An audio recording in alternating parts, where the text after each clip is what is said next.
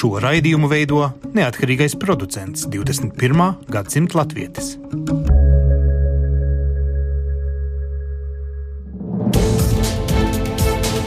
Septiņas dienas Eiropā piedāvā Eiropas radiotīkls Eironet.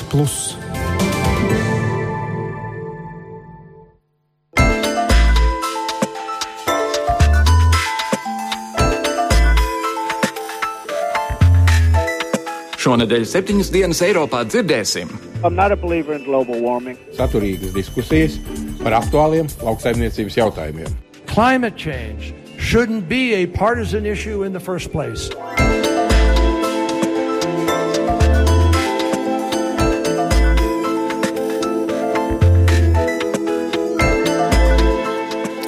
Labdien, godējamie klausītāji! Latvijas radio studijā Kārlis Streips esiet sveicināti jaunākajā septiņas dienas Eiropā. Amerikas aizejošais prezidents Baraks Obama pagājušajā nedēļā devās atvīd, atvadu vizītē uz Eiropu, arī uz Dienvidu Ameriku. Pirms Baltā nama atslēgas viņš nodos jaunievēlētajam prezidentam Donaldam Trumpam. Vizītes laikā Berlīnē viņš un Vācijas kanclere Angela Merkele kopējā preses konferencē atzina, ka visdrīzāk ilgi kaltais TTIP vai brīvās tirdzniecības līgums starp Eiropas Savienību un ASV tā arī netiks noslēgts, jo Trumps iestājas pret to līgumu. Merkele paziņoja, sarunu gaitā panācām lielu progresu, taču visbeidzot līgums netiks noslēgts. Tomēr piebilstot, ka viņa cer, ka kādu dienu abas puses pie tā varēs atgriezties. TTIP līgums apus okeānam sastapies ar lielu pretestību. Līguma oponenti Eiropā apgalvot, ka tas piešķir pārāk lielu varu transnacionālajām korporācijām un apdraud Eiropiešu patērētāju, mazo uzņēmēju, lauksaimnieku un vidas aizsardzības standartus. Daudzi politiķi un eksperti atzīst, ka pat ja tirdzniecības līgumi nesot labākais līdzeklis, lai globalizāciju padarītu cilvēcīgāku, pasaulē nevajadzētu atgriezties pirms globalizācijas laikmeta valdošajā norobežošanās politikā. Tālāk šonadēļ raidījumā par to, kā lauksaimniekiem klājas globalizācijas laikmetā un kādi būs galvenie izaicinājumi Eiropas un Latvijas zemkopiem nākamajā kopējās lauksaimniecības politikas periodā. Uzzināsim arī, vai fakts, ka jaunais ASV prezidents globālai sasilšanai netītas varētu ietekmēt Parīzes COP21 vienošanās nākotni. Bet vispirms Polijas varas partijas pelēkais kardināls Kačīnskis atradis jaunus līdzekļus, ar ko censties saukt pie kriminālas atbildības savu politisko ienaidnieku, Eiropadomes prezidentu Donaldu Tusku.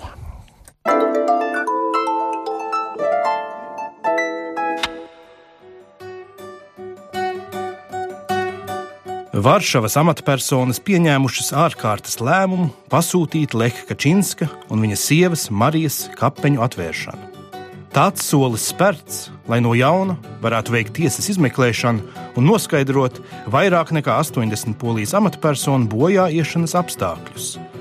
Kad 2010. gadā oficiālas valsts vizītes laikā viņu lidmašīna nogāzās pie Smoļenskas, Krievijā. Iepriekšējā izmeklēšana, ko veids Polijas un Krievijas amatpersonas, secināja, ka lidmašīnas avārija izraisīs sliktie laika apstākļi un pilotu kļūda.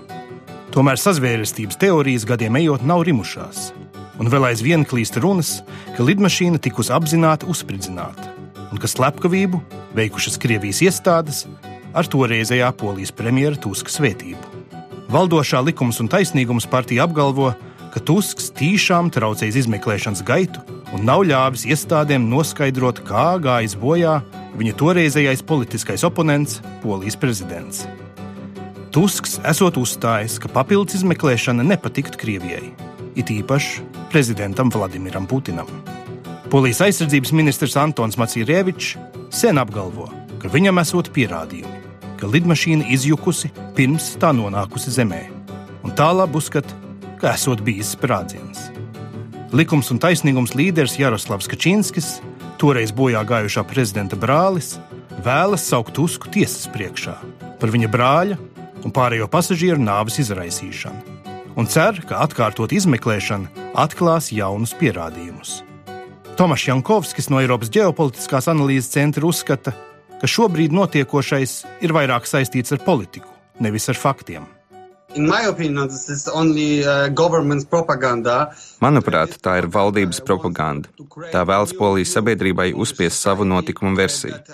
Donaldam Tuskam esot bijušas zināšanas par lidmašīnas avārijas iemesliem, un viņš par tām nav informējis polijas sabiedrību. Valdība uzskata, ka pastrādāts noziegums un ka tagad vajadzētu Tusku apsūdzēt.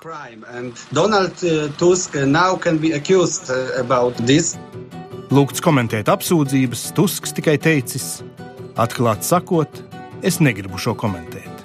Tas ir skumji, jo šie apgalvojumi visvairāk kaitē Polijai. Tie vairs nav netieši norādījumi. Te redzamas skaidras, patoloģiskas politikas pazīmes.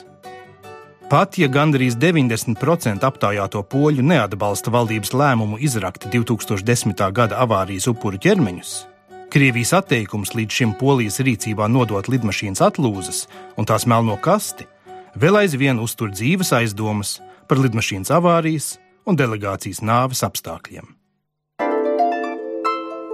thank you Jā, nu, tā polijas valdība ir diezgan, diezgan, diezgan traka. Ja nemaldos, ir jau izrakti tie divi zārki. Es nezinu, ko viņi tur cer atrast.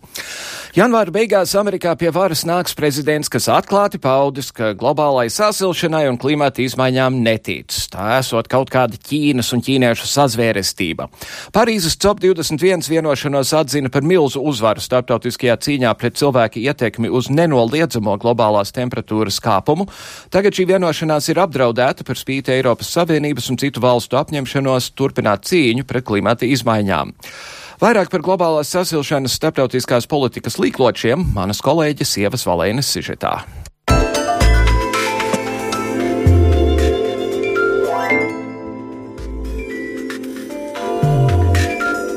Pirms gada Parīzē tika panākta iespējams nozīmīgākā vienošanās cīņā ar klimata pārmaiņām. Tās būtiskākais mērķis bija un ir nepieļaut globālās temperatūras pieaugšanu šajā gadsimtā par vairāk nekā diviem grādiem pēc Celsija, salīdzinot ar pirms industriālo laikmetu, kā arī tiekties uz to, lai globālā temperatūra nepieaugtu par vairāk nekā 1,5 grādiem. Zinātnieki ir brīdinājuši, ka pārsniedzot divu grādu slieksni, katastrofālas klimata pārmaiņas var būt nenovēršamas.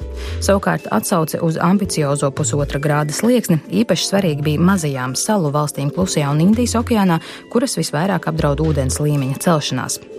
Vienošanās paredz samazināt siltumnīca efektu gāzu emisijas vismaz par 40% līdz 2030. gadam, salīdzinājumā ar 1990. Bet Eiropas komisijas plāns paredz līdz 2050. gadam samazināt siltumnīca gāzu efektu emisijas vismaz par 8%. 80% salīdzinājumā ar pagājušā gadsimta beigām. Vācija spērusi vēl lielāku soli uz priekšu un īsi pirms šī gada ANO klimata konferences Marakešā apņēmusies emisijas samazināt pat 95% apmērā. Pagājušajā nedēļā Marakešā notikušajā klimata konferencē 47 attīstības valstis apņēmušās pāriet uz simtprocentīgu atjaunojumu enerģiju laika posmā starp 2030. un 2050. gadu. Valsts arī apņēmās uzlabot savus nacionālos ilgtermiņa plānus cīņā ar klimata pārmaiņām līdz šīs desmitgades beigām. Kostarikas vides ministrs Edgars Guķeres intervijā BBC sacīja, ka nesaprot, kāpēc pārējās valstis kavējas un netiecas pēc simtprocentīgas atjaunojamās enerģijas. Bet tikmēr citi priecājas, ka pasaule beidzot saprot, ka planēta mums ir tikai viena.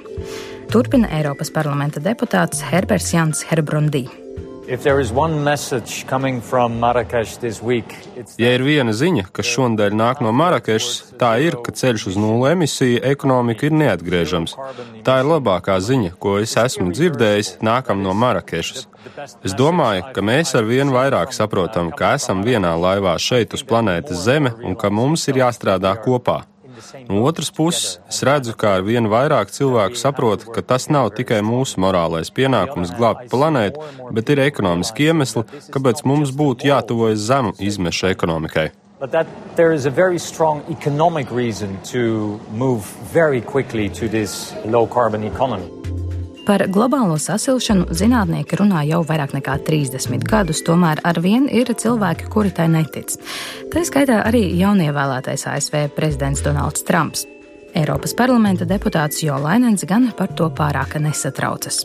Climate protection is unstoppable, and I think businesses will drive Klimata aizsardzība ir neapstādināma, un es uzskatu, ka biznesa no tā iegūs, jo mums jau ir nepieciešamās atjaunojamās enerģijas tehnoloģijas, tehnoloģijas ar uzlabotu efektivitāti. Transporta sektorā parādās ar vien vairāk un vairāk elektriskās mašīnas, Tāpēc domāju, ka ASV administrācija varētu mazliet traucēt, bet nespētu apturēt vienošanos, un tas ir labs signāls. Mēs dzirdam visā pasaulē apstiprinājumu, ka jāturpina cīņa ar globālo sasilšanu, nevis jāmaina virziens uz globālās sasilšanas noliekšanu. Change our direction towards uh, denial climate change. Protams, visi konferencē un arī ārpus tās nemaz netika mierīgi neuztver otru pusi okeānam notiekošo. Savukārt pašā ASV Obamas administrācija pagājušajā nedēļā uzlika piecu gadu aizliegumu veikt jaunus naftas urbumus Ziemeļledus okeānā. Tiesa, ir iespēja, ka Trumpa administrācija aizliegumu atceļ, jo Trumps iepriekš izteicies, ka atbalsta naftas urbumu attīstību.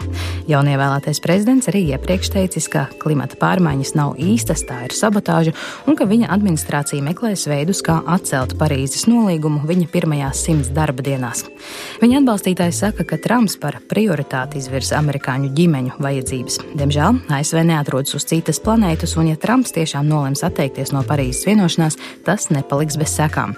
Bet pasaules valstu pārstāvi pagājušajā nedēļā norādīja, ka ir gatavi turpināt iesākto ceļu arī bez Amerikas Savienotajām valstīm.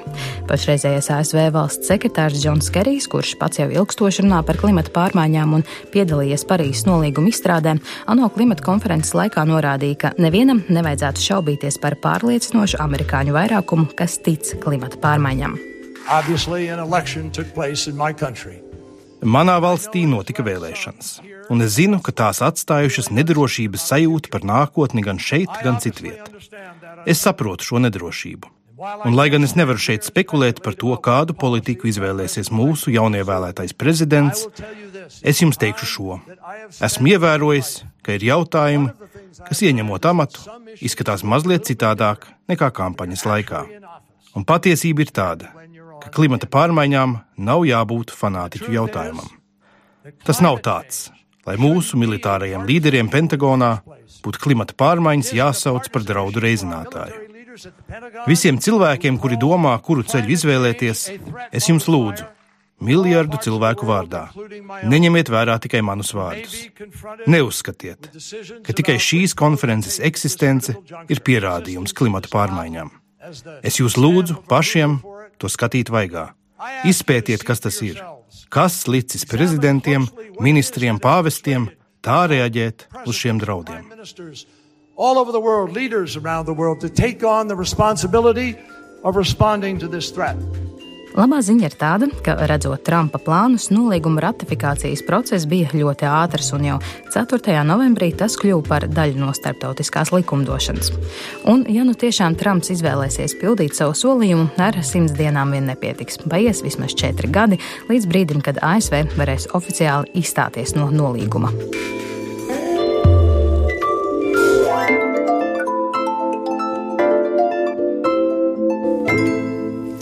Paldies, sievai! Nu, cerēsim, ka tā tas tik tiešām būs. Tas Trumps ir viens diezgan liels idiots par daudziem jautājumiem. Bet ne par to šodien tēma. 2016. gada janvārī Eiropas komisija izveidoja lauksaimniecības tirgu darba grupu, lai izskatītu, kā kopējās lauksaimniecības politika var novērst nelabvēlīgu globalizācijas ietekmi uz pārtikas aprīti. Darba grupa nu pat laida klājā savu ziņojumu, tur iztirzātas pieaugošas bāžas par pasaules mēroga pārmaiņām pārtikas apritē, jo īpaši attiecībā uz ražotāju un lauksaimnieku loma tajā visā.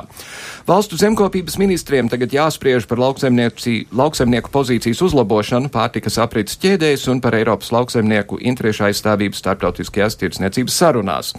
Kādi šobrīd šķiet varētu būt Eiropas un Latvijas lauksaimnieku galvenie izaicinājumi kopējā lauksaimniecības politikas nākamajā periodā pēc 2020. gada? Studijā šodien zemkopības ministrijas valsts sekretāra vietniece Rigonda Krieviņa. Labdien!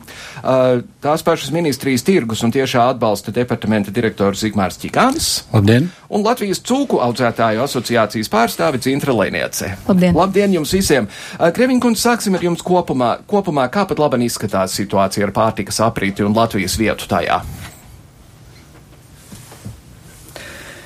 Nu, kopumā šobrīd uh,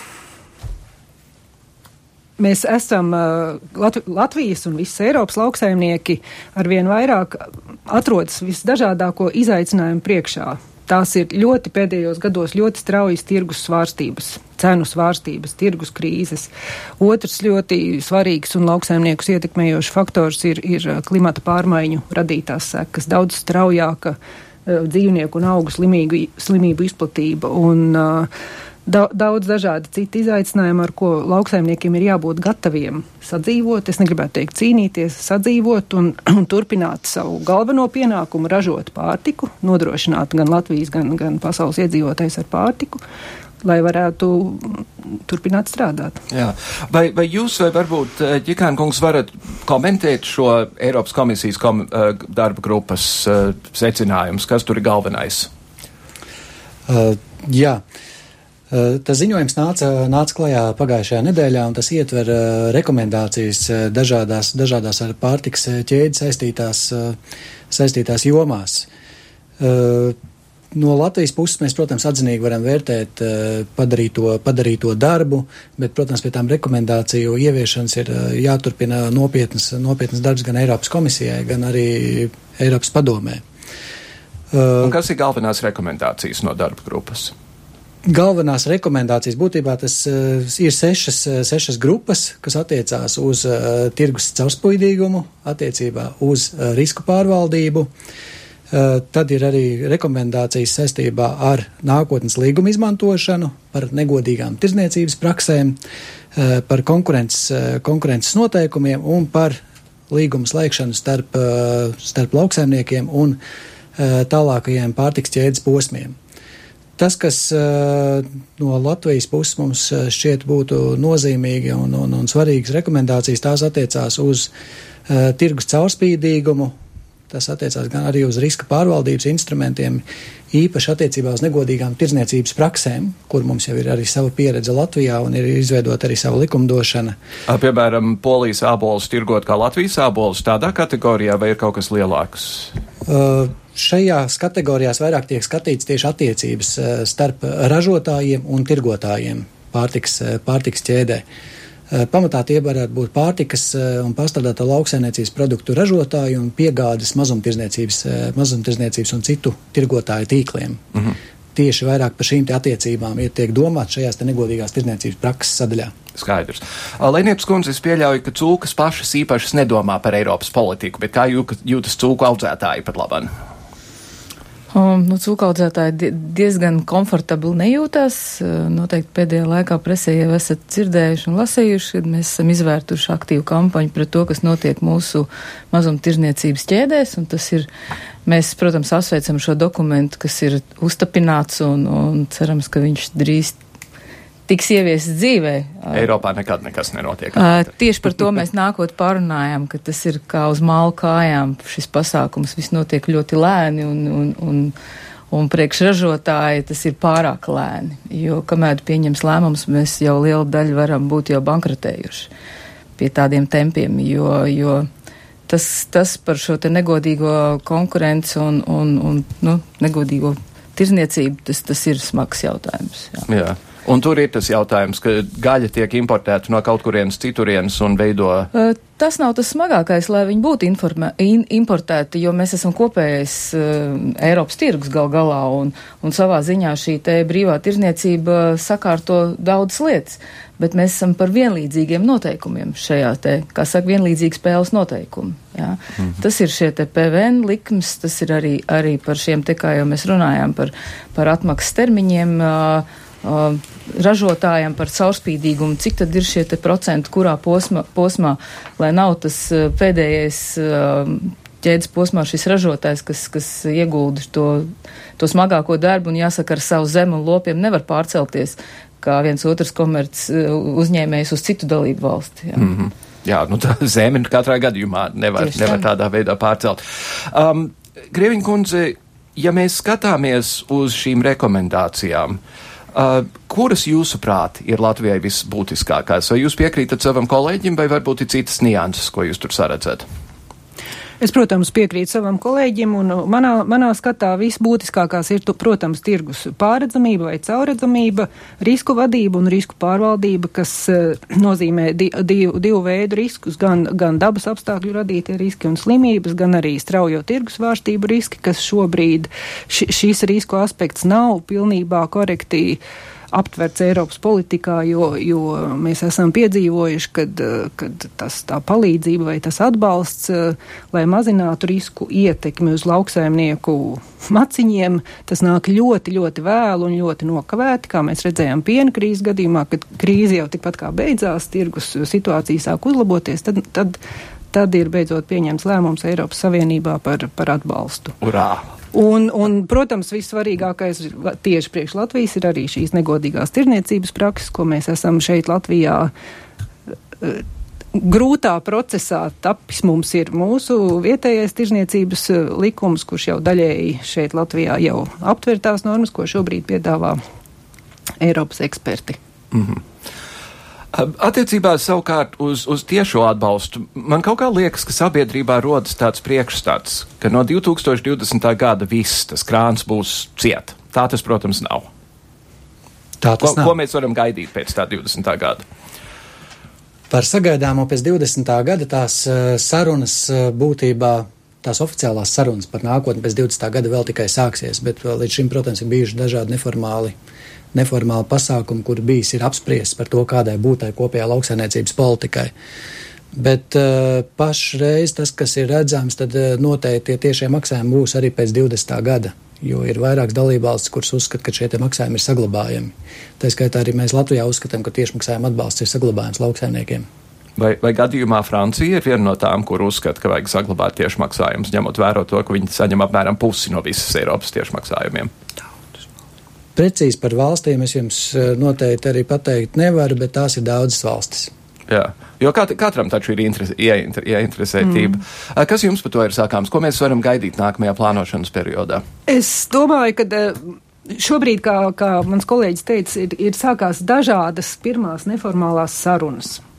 Un uh, Eiropas komisija savu līdzšinējās politikas izvērtējumu šobrīd izstrādā, vērtē līdzinējo politiku un ir gatavi nākošā gada otrajā pusē publiskot savu vērtējumu un savus piedāvāt jaunos scenārijus nākamā perioda politikai. Tādēļ arī tās formālās sarunas par jauno politiku sāksies, es domāju, tikai nākošā gada nogalē. Jā. Bet, bet priekš mums, priekš mums ir, ir, ir ļoti svarīgi, saglab, lai visā Eiropā saglabātos lauksaimniecības finansējums esošā līmenī, neņemot vērā dažādus faktorus, kas varbūt to ietekmēs. Piemēram, Lielbritānijas aiziešana. Piemēram, Lielbritānijas aiziešana, jā. Un šeit Latvijā mums ir prioritāte numur viens arī, lai mums saglabātos viss lauku finansējums, gan tiešmaksājumi, gan lauku attīstības finansējums saglabātos kā minimums šo, šī perioda līmenī. Tas ir 2,7 miljārdi eiro kopējais perioda finansējums.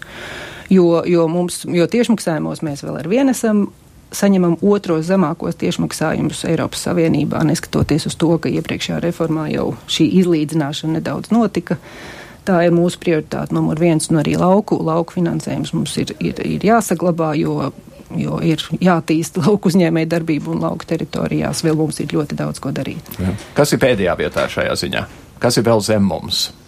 Ja mēs esam otrajā vietā no apakšas. Skatot tieši tiešmaksājumus, tad Igaunijā ir viszemākie, tie, vēl zemākas tiešmaksājuma līkumi. Ah, beidzot, joma, kurā mēs esam priekšā Igaunijai. Eh, kā, kā cūku industrija skatās uz šo lietu? Kā jums iet pat labi ar Eiropas naudām un ko jūs gaidāt uz nākotni? Jāsaka tā, ka uh, cūkopība ir tā retā nozara, kam, kam no Eiropas kā nozarei nav nekāda maksājuma. Nemaz? Nemaz uh, tikai un vienīgi caur šiem te uh, platību maksājumiem. Kāpēc? Tā tas tiemžēl ir. Uh, visā Eiropā uh, putnkopībai un cukopībai nav uh, Eiropas maksājumu. Bet Tikai vai... un vienīgi tiešmaksājumi par zemi. Un, ja mēs skatāmies to, ka mums ir daudz lielās uh, saimniecības, kurām, kurām uh, vēsturiski nebija šīs zemi, un, un viņi tikai tad, kad jau sākās šīs lielās zemes pirkšanas un cenas, tad sāka pirkt šīs zemes. Tā kā mēs esam diezgan smagā situācijā. Mums ir uh, vēl dažas saimniecības, kam vispār ir nulle hektāru zeme. Tātad viņi saņem nulle maksājumus no Eiropas. Mm -hmm. Jā. Tas ir, tas ir, tam ir vēsturisks iemesls, jo senāko gadu Eiropas lauksaimniecības politikā nav bijuši nekāda atbalsta veidi šīm divām nozarēm, cūkopībai un putnkopībai, un tādēļ šīs princips eh, tiek saglabāts arī līdz pat, līdz pat šīm dienām. Bet tas ir tāpēc, ka attiecīgie lauksaimnieki neprata lobēt. Kāpēc, kāpēc uh, pienkopības industrija dabūna naudu un cūkopības un putnkopības industrija nedabūna naudu? Tas nelikās kaut kā loģiski. Nu, iespējams, vēsturē šis fakts ir bijis kaut kur paties, paslēpies. Jā. Kaut kur paslēpies. Bet vēsturē. tas notika tad, kad mēs tur vēl nebijām. jā, un mēs vienkārši, mums ir vienkārši jāpieņem tas, jā, kas, kas tur jau, tur jau ir. Jo man, man šķiet, ka tas tomēr ir tādēļ, ka uh, nu, pārējā Eiropas daļā vecajās saucamās dalību valstīs tomēr tas roku rokā ir gan zeme, gan, gan uh, lopi, un tad tas tomēr, kas saka, no mēteļa dažādām kabatiņām tiek kopējais mhm. finansējums. Mm um, attiecībā uz kopējo lauksaimniecības politiku kā tādu, jau, jau gadiem un gadiem un gadiem ir, ir runāts un rakstīts, it īpaši diezgan liberāli noskaņotajā žurnālā The Economist, ka tā ir viena absurda programma, kas tērē nevajadzīgi daudz naudas. Vai ir gaidāms, ka sarunās būs kaut kādas fundamentālas pārmaiņas šajā kopējā programmā? Ja reiz, kā jūs teicāt, visi gaida, ka tā nauda paliks tādā pašā līmenī, kādā viņi ir pat labāk. Lauksaimniecība tas tā ir īpaša nozare, jo lauksaimniecībai ir jākonkurē pasaules, pasaules apstākļos, un, un ne jau tikai Eiropas Savienībā tiek sniegts atbalsts. Lauksaimniecība būtībā ir no vienas puses tiek sniegts atbalsts arī citās pasaules valstīs, un no otras puses lauksaimniecības tirgu ierobežo ieved muitas tarifi. Tā kā būtībā tas ir gana, gana ierobežots un, un regulēts tirgus, un līdz ar to ja Eiropas Savienība atteiktos no tiešmaksājumu un citu atbalsta, atbalsta maksājumiem, eh, tas būtībā padarītu nekonkurētspējīgāku Eiropas Savienības lauksainiecības nozari. Mm -hmm. Bet, bet tur droši vien ir šīs tās, piemēram, maksāt naudu par to, ka ar zemi nedara neko. Tas, tas kaut kā, es saprotu, ka zemē ir jāatkopjas no, no, no procesiem, bet tas tomēr liekas drusku dīvaini. Īsti jau tā nav, kad maksājam par nedarīšanu neko. Mm -hmm. Mēs maksājam lauksaimniekiem par to, ka zeme tiek uzturēta labā lauksaimniecības un vidas stāvoklī. Tas ir kā minimums. Minimums zeme ir jānopļauj, uh, zāle, ja uz zemes aug zāle, tad zāle ir jānopļauj un jānovāc no lauka, mm -hmm. lai, lai šis lauks būtu labā stāvoklī. Un vienalga mēs katru gadu cīnāmies ar kolas ugunsgrēkiem. Acīm redzot, cilvēki to neņem vērā, ka šis ir šī minimālā prasība nu, vienmēr kāds ir, kurš, kurš prasību neizpilda, bet, bet Latvijas gadījumā mūsu lauka atbalsta dienesta speciālisti ļoti rūpīgi kontrolē, lai šī prasība tiktu maksimāli ievērota. Mm -hmm. Vai kas, kas pārstāv Latvijas sarunās par Eiropas budžetu? Vai tas ir tikai ministru līmenī, bet droši vien arī eksperti piedalās šajās diskusijās? Jā, tas eh, tie ir dažādi, dažādi līmeņi. Par kopējā lauksainiecības politiku, protams, eh, galvenais, galvenais pārstāvis eh, reformas sarunās tas būs ministrs. Bet notiek arī dažāda, dažāda līmeņa padomas darba grupas sanāksmes, kur pārstāv arī eksperta līmenī. Mm. Notiks, es gribu atbildēt, notiks. notiks. Tas vēl ir tālu uz priekšu, vēl pēc gada tikai tas nu sāks nu, jā. notikt. Jā. Par ko jūs prāt būs vislielākie strīdi? Nu, noteikti jau par budžetu, par budžetu un par tiešmaksājumiem varētu būt. Kāds būs kopējais budžets un kāds jā, būs? Jā, jā. Un, un, un tur būs interesanti, jo ja pēc gada sāksies šīs sarunas, Lielbritānijas izstāšanās nebeigsies vismaz divu gadu laikā, ja ne, ja ne krietni ilgāk, un tas nozīmē būtībā spriest par kaut ko, kas ir nedrošs 2020. un nākamo, nākamo gadu kontekstā. Uh, viena lieta, jā, tas, kas būs neskaidrs, tas ir uh, finansējums, finansējums dalījums uh, starp dalību valstīm, bet otrs par politikas mērķiem, par politikas instrumentiem. Tur to, tie ir jautājumi, par ko var diskutēt arī neatkarīgi no šī Lielbritānijas izstāšanās procesa. Mm -hmm. Un kas tur ir galvenās lietas? Galvenās lietas noteikti arī uz nākotni saglabāsies tās, kas ir bijušas arī līdz šim. Uh, Uh, viens no, tam, uh, no tiem ir tas, ka ir jānodrošina primārais ir lauksaimniecības sektora dzīvotspēja un konkurētspēja.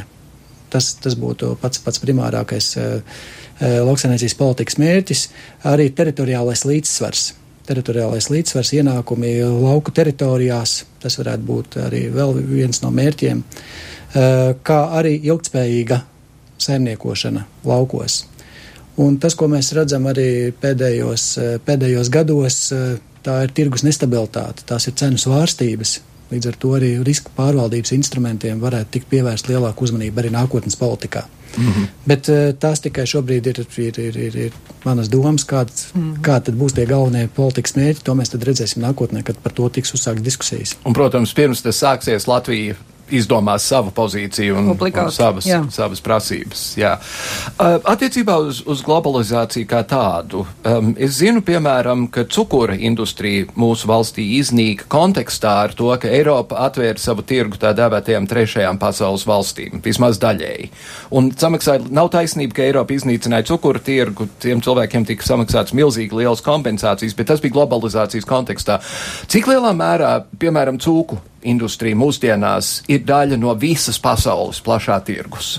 Īstenībā mēs jau esam globalizējušies, jo, jo šī te cūgaļa, nu, vismaz no Eiropas Savienības, jāsaka, li, diezgan plaši tiek eksportēta gan uz Āziju, tas ir Ķīna, Hongkonga, Japāna un tā tālāk, visur, kur ēd cūgaļu. Jāsaka tā. Uz tuvajiem austrumiem tā tad nē. Tā tad nē, jā, tieši tā, kas mums ir, kā mēs sakam, kad, nu, samazinās, jā, ar, ar to, kad arvien vairāk Eiropā ienāk arī šie te tuvo austrumu cilvēki, tā tad arī šis te cūgais patēriņš samazinās, tepat arī iekšējā Eiropas tirgu. Bet jā, mēs, mēs man liekas, ka esam viss nozara, kas ir nu, visliberālākā. Tad, tad tur ir, tur ir nu, nekāda robeža, principā, ja, kas mūs šajā ziņā Latviju šobrīd ierobežo Āfrikas cūku mērs, kad mēs, mēs nevaram vest ārā, pie mums var vest, bet mēs ārā nevaram. Jo citādākā ziņā ir, ir tirzniecības līgumi un savstarpējo valstu nolīgumi un, un, un uz priekšu. Pie mums joprojām Āfrikas cūku mērs ir problēma? Protams. Un, un, un, pie mums, bet ne citur? Baltijas valsts plus Polija. Jā.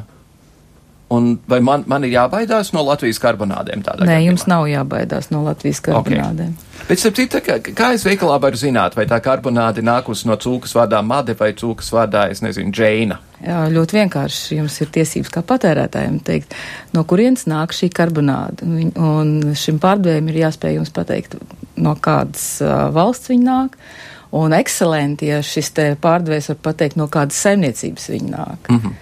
Jo, jo, piemēram, mazajās tirdzniecības vietās tas, tas, viņi zina savus piegādātājus. Ja?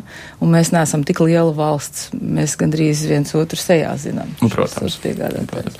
Un pēdīgi mums ir dažas minūtes palikušas attiecībā uz klimatu maiņu. Kā tā jau ir ietekmējusi Latviju un ko mēs gaidām nākotnē? Vai mēs gaidām, ka pēc desmit gadiem mēs varēsim audzēt banānus un, un apelsīnus un ananāsus vai nē? Šobrīd uh, mūsu lauksaimnieki un ražotāji pirma, pirmais efekts, kā, kā izjūt eh, klimata pārmaiņas, ir tas, ka uh, daudz straujāk sāk izplatīties slimības. Augu slimības, dzīvnieku slimības, un līdz ar to ir jāspēj ātrāk rēģēt, gan, gan lietojot, izvēloties pareizās ķimikālijas vai pareizās ārstēšanas metodas. Jo siltākos gaisa apstākļos vīrusi un baktērijas vieglāk ceļo? Tā, jā, tādā? jā, jā. Mm -hmm. Un, uh, un otrs ir arī iespējams nokrišņi vai vispār klimata maiņas, kas, kas arī nopietni ietekmē augkopības nozari, kā piemēram šogad, šogad redzējām, bija netradicionāli, nepier, neierasti apstākļi ražas novākšanas laikā. Mm -hmm. Jā. Kas jums būtu sakāms par klimatu maiņu? Uh, par klimatu maiņu, protams, ja mēs skatāmies tā no tā, kā tas ietekmēs mūsu lauksaimniecības sektoru, uh, Tad, kā piemēram ir, eh, to ir novērtējuši OECD eksperti, tad, protams, mēs atrodamies tajos platumgrādos vai tajā teritorijā, kur, kur mums pašai lauksaimnieciskai ražošanai tās klimata pārmaiņas eh, nerada draudus, pat, pat, pat vēl varbūt tās eh, pat izaugsmas iespējas un attīstības iespējas lielākas tas mums var nodrošināt. Bet, protams, globāli skatoties, tas, tas ir jautājums, kas ir dienas kārtībā un pret uh, pret ko ir valsts ir vienojušās, ka tomēr šīs ir jā, jāmazina šo klimatu pārmaiņu uh, ietekme un pašas šīs klimata pārmaiņas ir jāmazina. Jūs baidāties no Trumpa? Mēs esam piesardzīgi. Jā, ierēģi neko citu nevar teikt, kā būt piesardzīgi attiecībā uz Amerikas prezidentu, laikam, acīm redzot. Un pats pēdējais jautājums, attiecībā uz Eiropas maksājumiem, cik lielā mērā pat labi Latvijas lauksaimniecības tirgus atbilst optimāli? Tādā nozīmē, ka ja tev ir viena govs un pus, e, pus hektāra zemes, tad tu nevari ne uz ko lielu cerēt.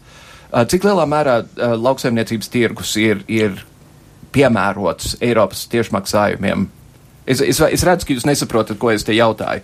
Vai, vai tas ir struktūrēts tādā veidā, lai optimizētu uh, Eiropas naudas izmantošanu?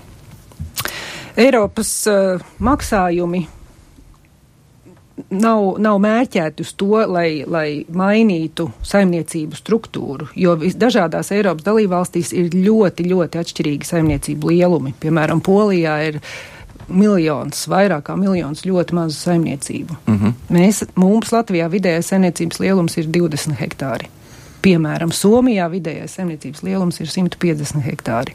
Visi šie dažādie saimniecību nu, modeļi vai struktūra modeļi ir vajadzīgi Eiropā, pastāv Eiropā, un šī kopējā lauksaimniecības politika nodrošina atbalstu visa veida vai dažādu lielumu saimniecībām. Mm.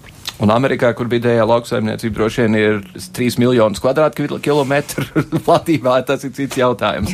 Paldies jums visiem par sārunu no Zemkopības ministrijas Rigonta Krieviņa un Zigmārs Čikāns un no Latvijas cūkaudzētāja asociācijas Cintralīnieci. Un lai jums visiem veicas, gal galā ēst mums visiem vajag. Jā, paldies jums. Tā, paldies. Jā. Tā, pēdējā lieta, kas man ir jāsaka, dāmas un kungi, Angela Doroteja Merkele pat labani visilgāk valdošā valdības vadītāja Eiropas Savienībā. Mājā žurnāls Forbes jau desmito reizi viņu nodēvēja par pasaules visietekmīgāko sievieti. Mēs septiņas dienas Eiropā esam pie Angelas pieraduši un ir grūti iedomāties kādu citu viņas vietā. Pēc tam, kad par jauno ASV prezidentu tika ievēlēts Donalds Trumps, York Times Vācijas kancleri Angelu Merkeli nosauca par pēdējo spēcīgo liberālo rietumu aizstāvi. Nākamgad Vācijā gaidāmas vēlēšanas un labējo politisko spēku popularitāte Vācijā aug. Vakar Merkele paziņoja, ka kandidēs uz kanclera amatu ceturto reizi. Par viņas izredzēm vēlēšanās vaicājām politologam Kārlim Daugstam redzat, manuprāt, ka viņas neveiksmīgā komunikācija tās bēg jautājumos un viņas neveiksmīgā komunikācija arī ar saveik, sabiedrību, jo viņa diezgan asi uzskatīja savus liberālos principus par to, ka mums Vācijai ir jāpieņem visi, kuri ir, kā sakot, pēc kristīgās partijas morāles, un tāpēc arī tomēr liela daļa Vācijā nav samierinājušies ar šo nelegālo personu uzvedību, darbību un uh, tāda pretestības notis ir attiecībā pret Merkeles šiem jautājumiem. Merkeles startautiskais renomē ir diezgan augsts un, protams, ka Trumpa šis gadījums viņš ir sakustinājis vispār diskusijas ap Vācijas lomu Eiropā. Es tam neticu šim scenārijam Amerika tur aiziet vai kaut kādā no Eiropas vai kaut kādā veidā novēršas. Es domāju, ka tas nebūs, taču tie paziņojumi ir satraukuši daudzus un tāpēc Vācijai ir jāpārskata sava jaunā loma Eiropas organizācijā. Un, manuprāt, ka Merkele ir viens no centrālajām personām, kas ar to varētu nodarboties. Jo tur ir arī problēma tāda, ka spilgtu līderu Kristīgo demokrātu partijā, kas varētu konkurēt popularitātes ziņā ar Merkeli pat labam. Un, lai cik tas paradoxāli nebūtu, es prognozēju, ka tomēr viņas rezultāts varētu būt diezgan pieklājīgs un viņa varētu turpināt vadīt Vāciju. Jā, Angela Merkele ir bijusi savas valsts kanclere tagad jau kopš 2005. gada 22. novembrā. Vispār rīt būs jubileja attiecībā šai ziņai. Desmit gadi un drusku vairāk, bet pasaulē visilgāk pie spēkā esošo prezidentu un premjerministru jomā viņi ir tikai 37. vietā. Piemēram, Kamerūnā Pauls bija ir bijis eh, premjerministrs un tad prezidents jau kopš 1975. gada 30. jūnija. Lūk kā, bet es piekrītu, grūti iedomāties, ka Vāciju vadīs kāds cits. Paldies, dāmas un kungi, ka klausījāties līdz nākamajai reizei. Visu labu!